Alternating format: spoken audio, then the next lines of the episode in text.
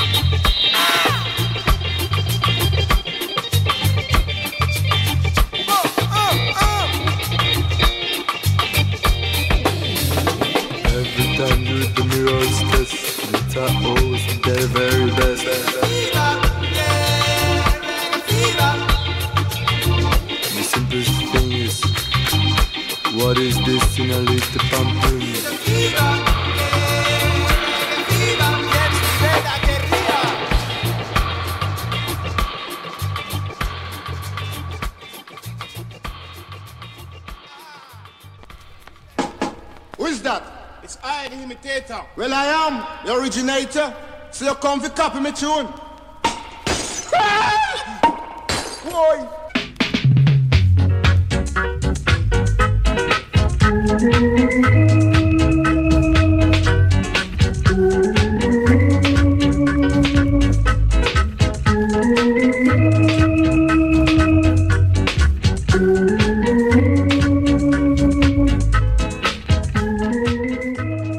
Kaixo entzule, kaixo rege zale,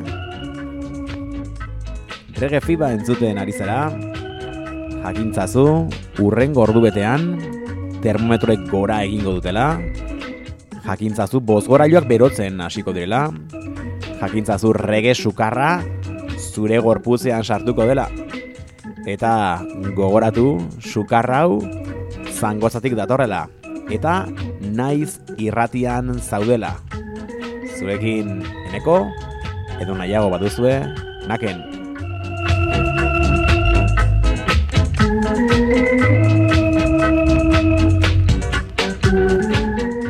Beno eta espaldiko partez bueltan gara, badira bi aste saioa egiten ez denuela, udaberriko oporrak pasadira tartean, baina bueltan gara pirilaren bukaera hontan, atal berri batekin, rege txute berri batekin.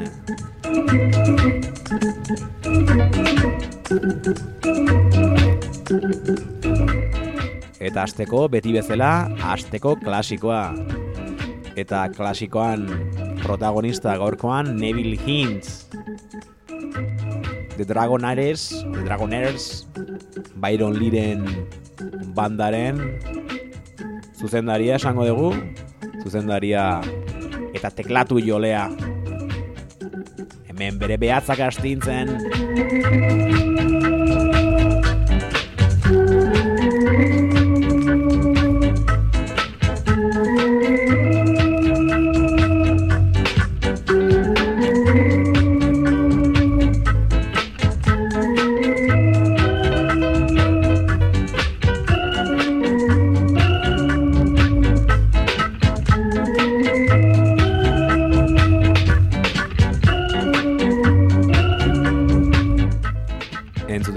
Abestia, Originator deitzen da.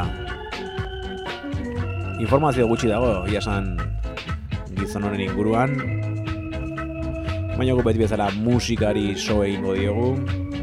Eta bere maixulanak entzungo ditugu. Horien bat datorrena, I Dread deitzen da. San bezala zuekin gaur asteko klasikoan Neville Hintz, osatu.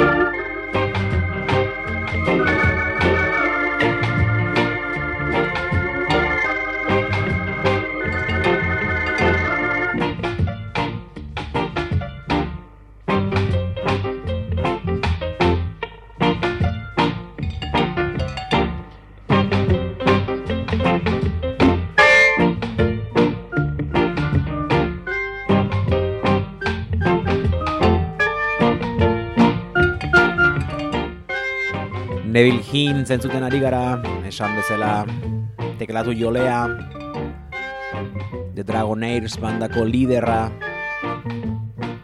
hemen Lin Tate eta Jets bandarekin dabil.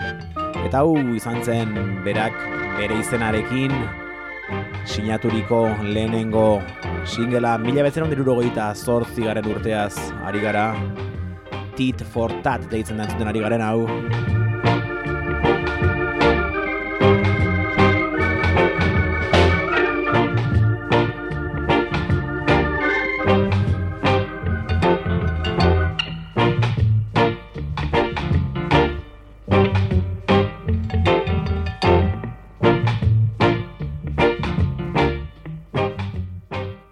Argitaratu dituen lanak, behintzat bere izenarekin argitaratuakoak, gehienak beste artistekin partekatutako singelen B aldeak dira. Tartean John Holt, David Royce, Count Sticky, edota Alton Ellis.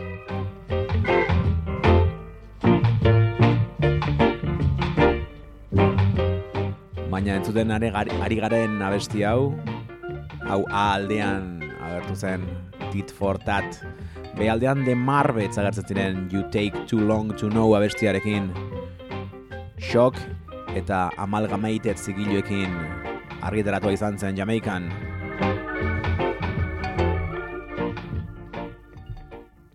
Eta joan zaigu, eta guazen orain musical Splendor entzutera, gozatu reggae fiba entzuten ari zara. Tematzarra,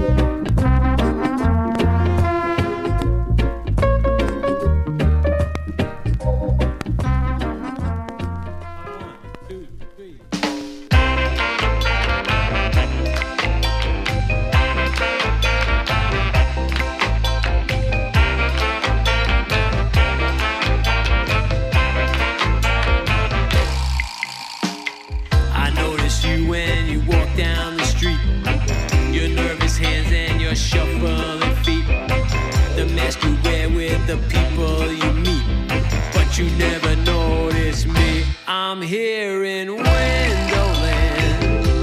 Hello from Wonderland. Where I can stare a little longer, laugh a little harder. Do just what I wanna. Here in Wonderland. Beno, beno, beno, oraingoan gurekin New York Cityko eskan reggae rocksteady soul rock and rollaren erregeak The Slackers.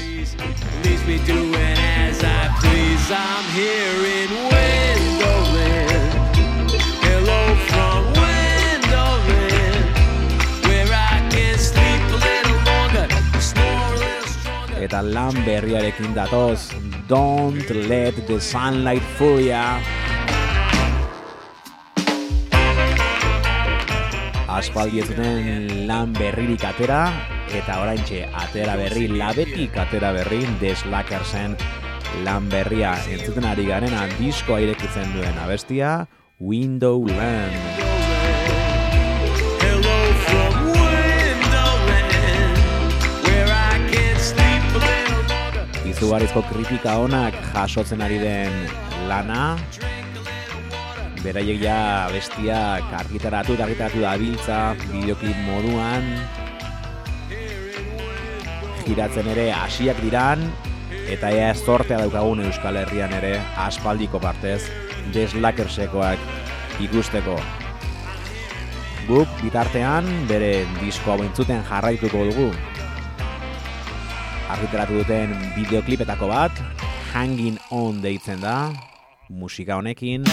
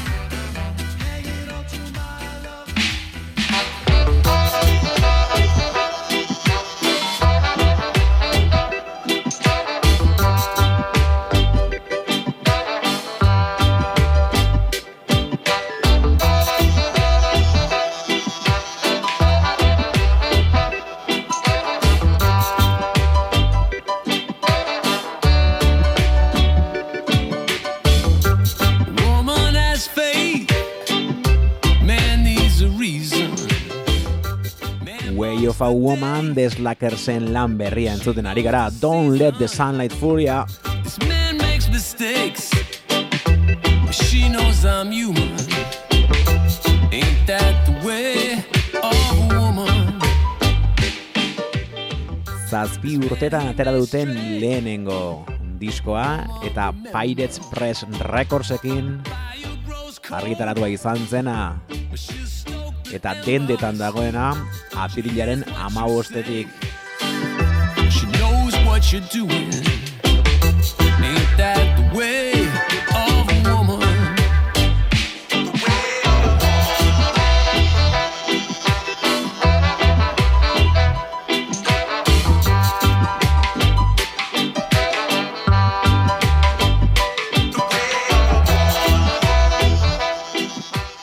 dakigun bezala turra hasita dute jada, aurkezpen gira hasia dago, Pensilvanian hasi dira, gero estatu batuetan Kanadatik ibiliko dira, eta diotenez, Europara, udazkenean etorriko dira.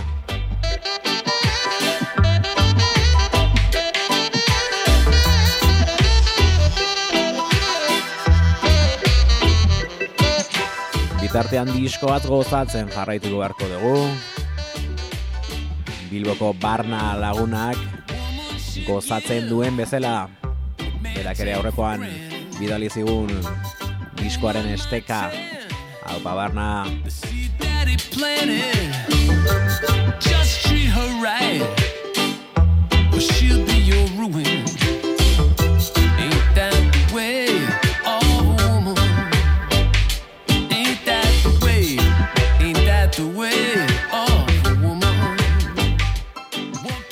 Way of a Woman hau badoa. Eta bitartean diskoari izena ematen dion abestia preparatzen ari gara. Zuekin deslakersen lan berria. New Yorkeko ska reggae soul, rock steady soul. Berriro soul, reggae, rock and rollaren Erregeak. Don't let the sunlight fool ya. gozatu gaztiak.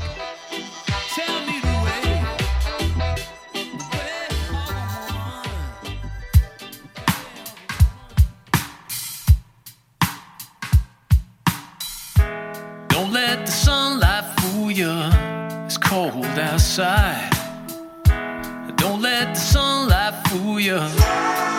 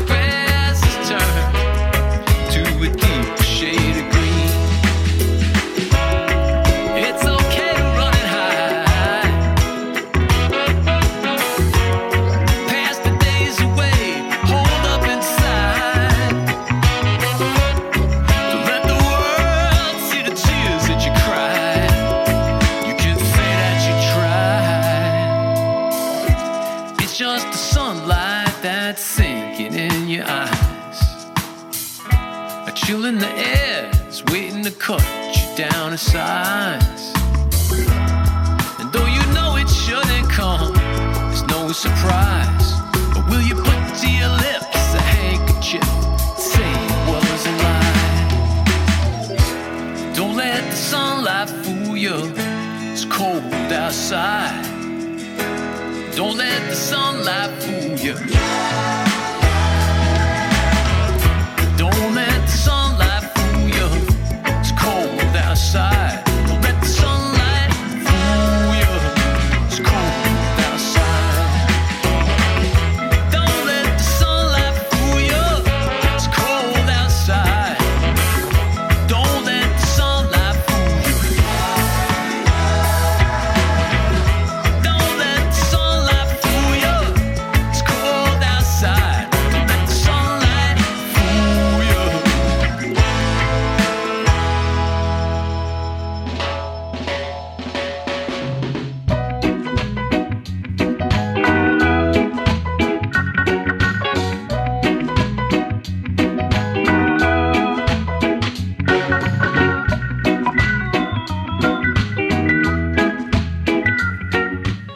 Beno eta urrera jarraitzen dugu lan berri batekin. Izugarri gustatzen zaigu reggae fibe irratsaioan nobedadeak ipintzea. Musika bizirik dagoenaren seinale baita gaur egun ere horren beste hor urte sorturiko musika mota hau. Bizirik dagoela jendeak musika hau jarraitzen duela. Eta horietako klasiko haundietako bat Roy Ellis dugu. Norketu ezagutzen The Boss Roy Ellis. Eta arek atzetik entzuten ari garen Cosmic Surflin taldearekin. Shufflin hobeto esan da. Ba single beharri atera digu, non Liquidator Musicen noski. B aldean zuten ari gara Cosmic Shufflin Merry Go Round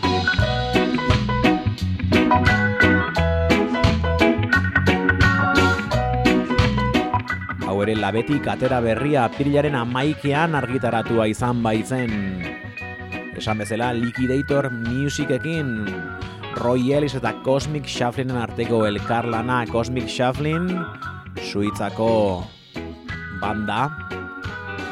Eta Roy Ellisekin ba, giratzen ibili dena azkeneko urteetan Europa marrena.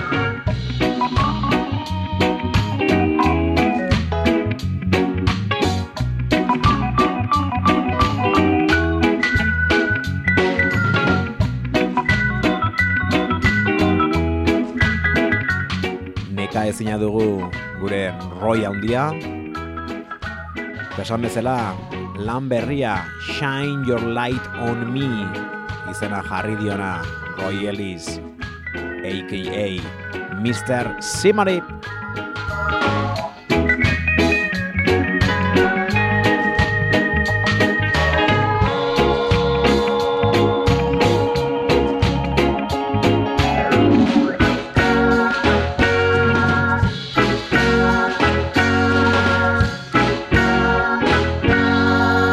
Roy Ellis Shine Your Light on Me gozatu reggae fever Shine light on me, girl, and let it glow all over the world. I don't need no Stevie gold. Your eyes is like diamond, I've been told. Go there. Twinkle, twinkle, little star, come and tell me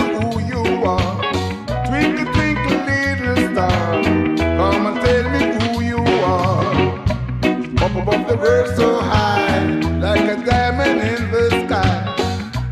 Up above the world so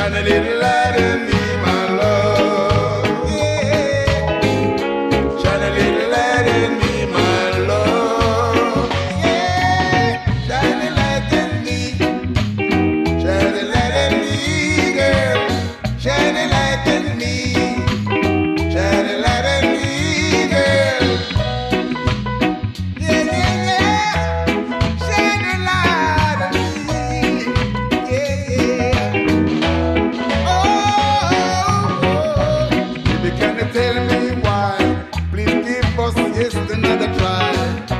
Baby, can you hear my plea? Come shine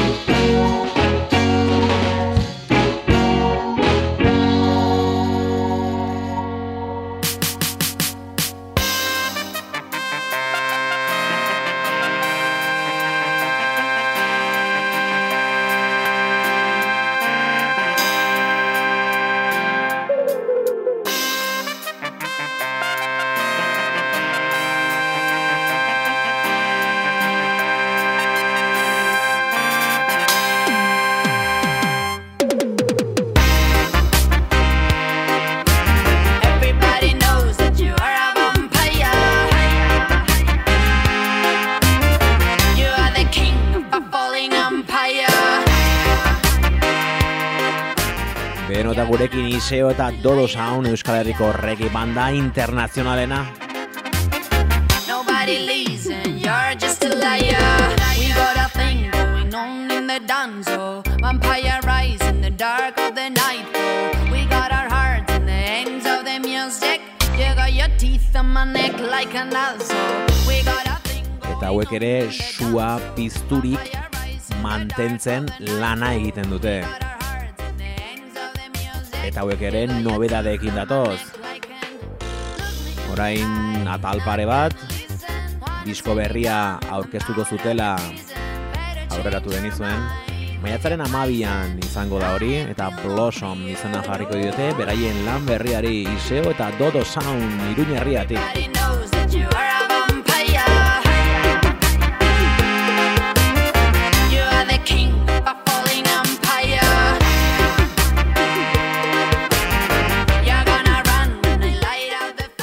Eta bi aste falta dira. Lan horrek argia ikus dezan, bitartean pare bat single, aurrerapen single argitaratu dituzte, bat gaur bertan argitaratu dutena, baina hori urrengo asterako utziko dugu. Gaurkoan, orain aste pare bat argitaratu zutena entzuteragoaz, Nea lehenango banpaia hau oso osorik entzungo dugu noski.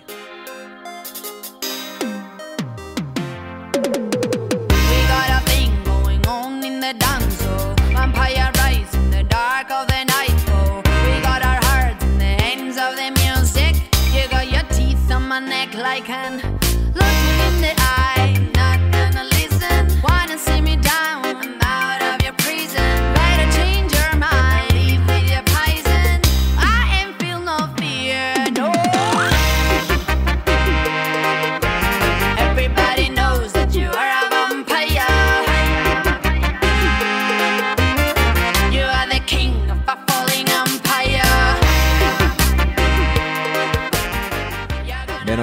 has gaitezen Blossom lan berria hau aurkezten. Esan bezala gaur single atera dute urrengo asterako utziko dugu I Wonder izena jarri diote bigarren aurrerapen abestiari. Oazen lehenengoa entzutera. Primizian behintzat hemen Guri joan hori arte jarri gabe zegoena Iseo eta Dodo Sound. Eta Infinity Gozatu aztiak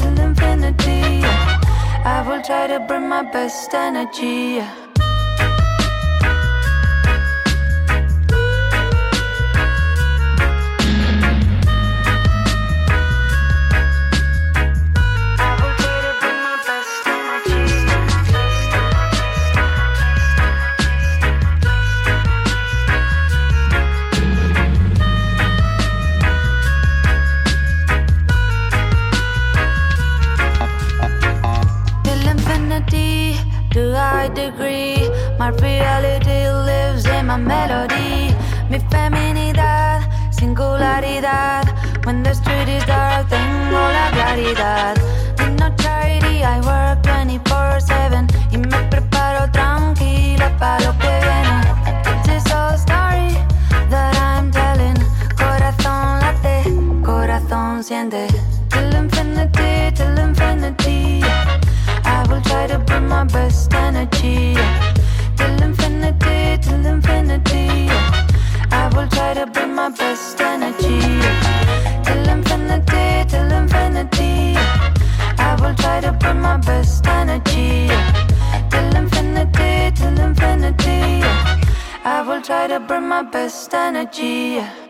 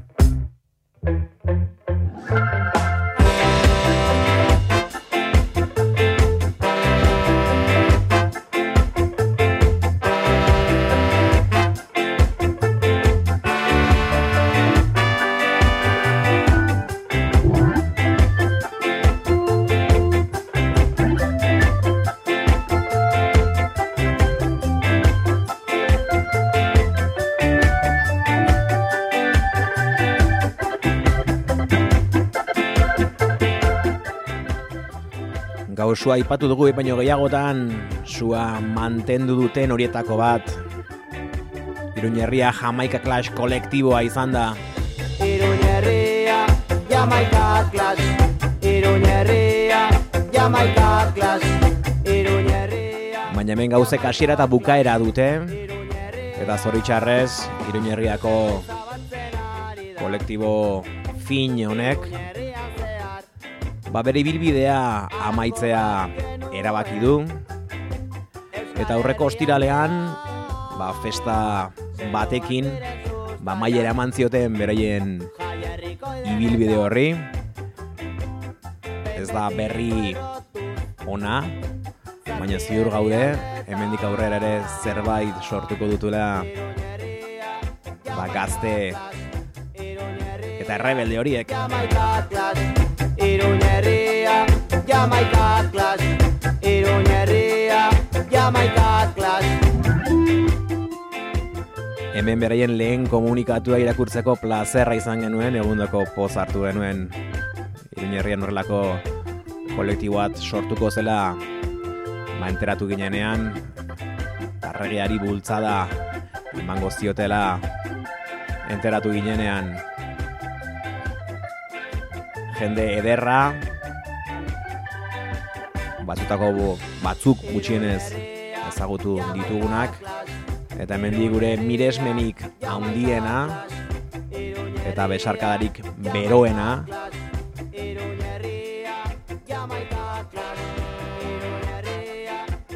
Lekukoa hartuta pasa kultura bizi dadin. Egindakoa egina agur eta itzina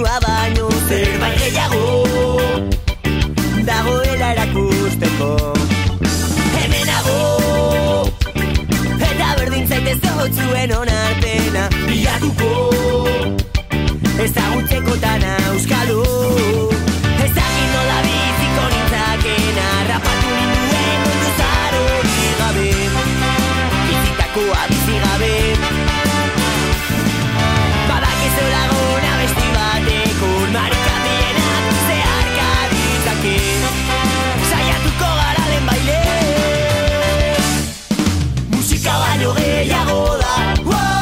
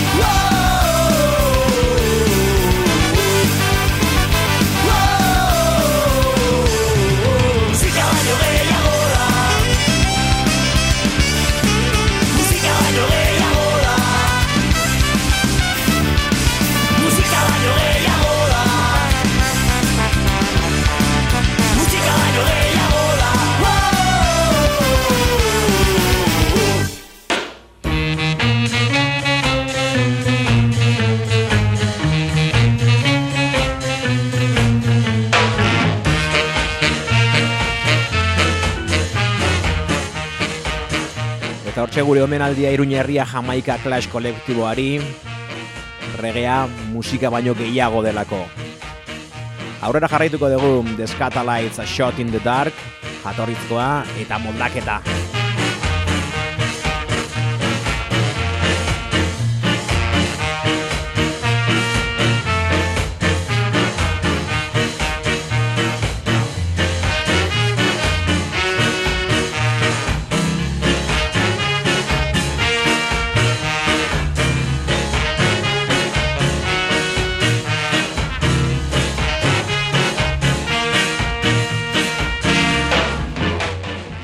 bezala bia besti, lehenengo originala, eta gero arren moldaketa. Jamaikarra.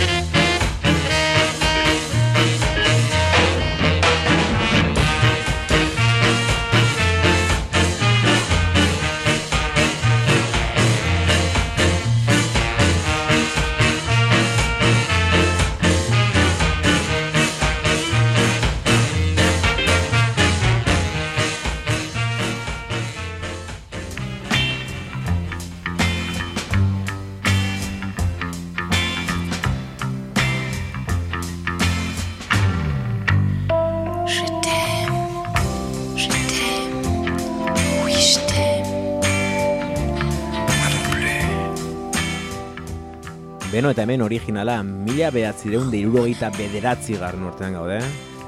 Fontana zigiloarekin arkiteraturiko abesti ezaguna, oso ezaguna. Jane Birkin eta Sergi Serge Gainsbourgek eta ginen nola oskatzen den. Jetem abesti famatu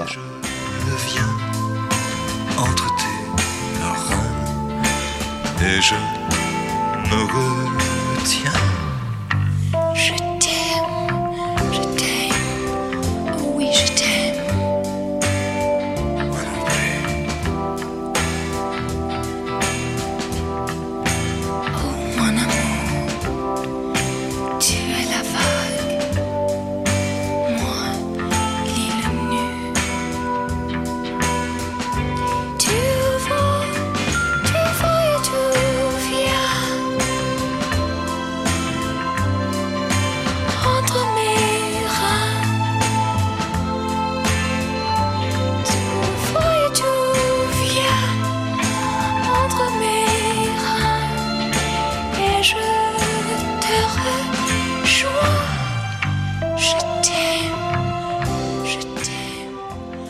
Jamaikarrek abesti honen hiru moldaketa egin zituzten guk dakigula.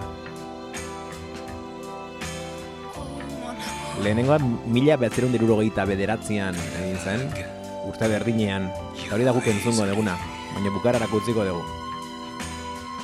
Bigarrena Harry J. All Stars ekoizleak, argitaratu zuen bere zigiluan. Mila behatzerun dirurogeita marrean izan zen hori esan bezala, urte berean Brentford All Starsek. Izen aldatu zion eta Love at First Sight izen eman zion. Hirugarren hau Studio Oneen argitaratu izan zen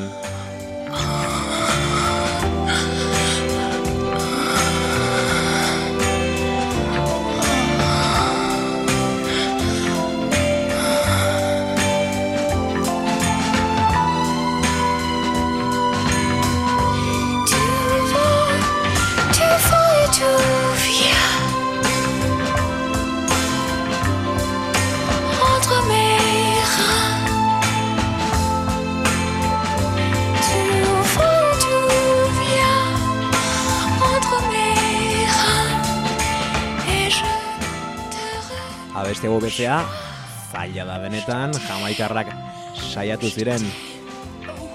Eta zein izan zen entzutera goazena zein da entzutera goazena eta jetem hau modatu zuena. Nor izan da gure asteko klasikoa? Neville Hintz oraingoan bai bere Byron Lee eta The Dragonaires taldearekin Tiger zigiluarekin argitaratu izan zen abesti hau. Eta hauek ere izen aldatu eta Love at First Sight mantzioten Je vais et je viens, je me retiens. Non,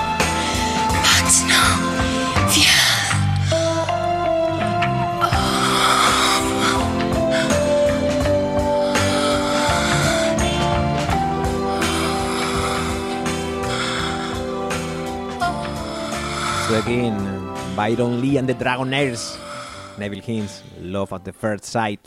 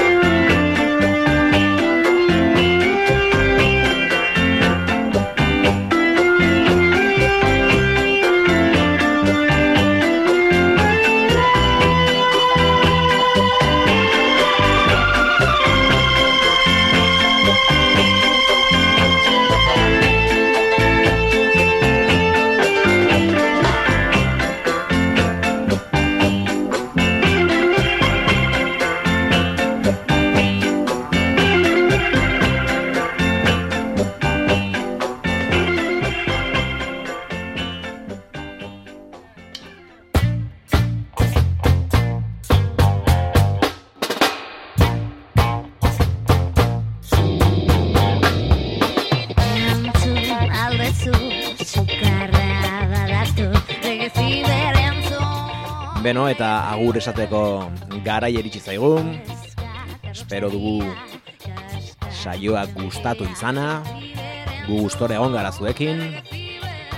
Eta joan aurretik betikoa. Termometroa begiratu, gorri, topera dago,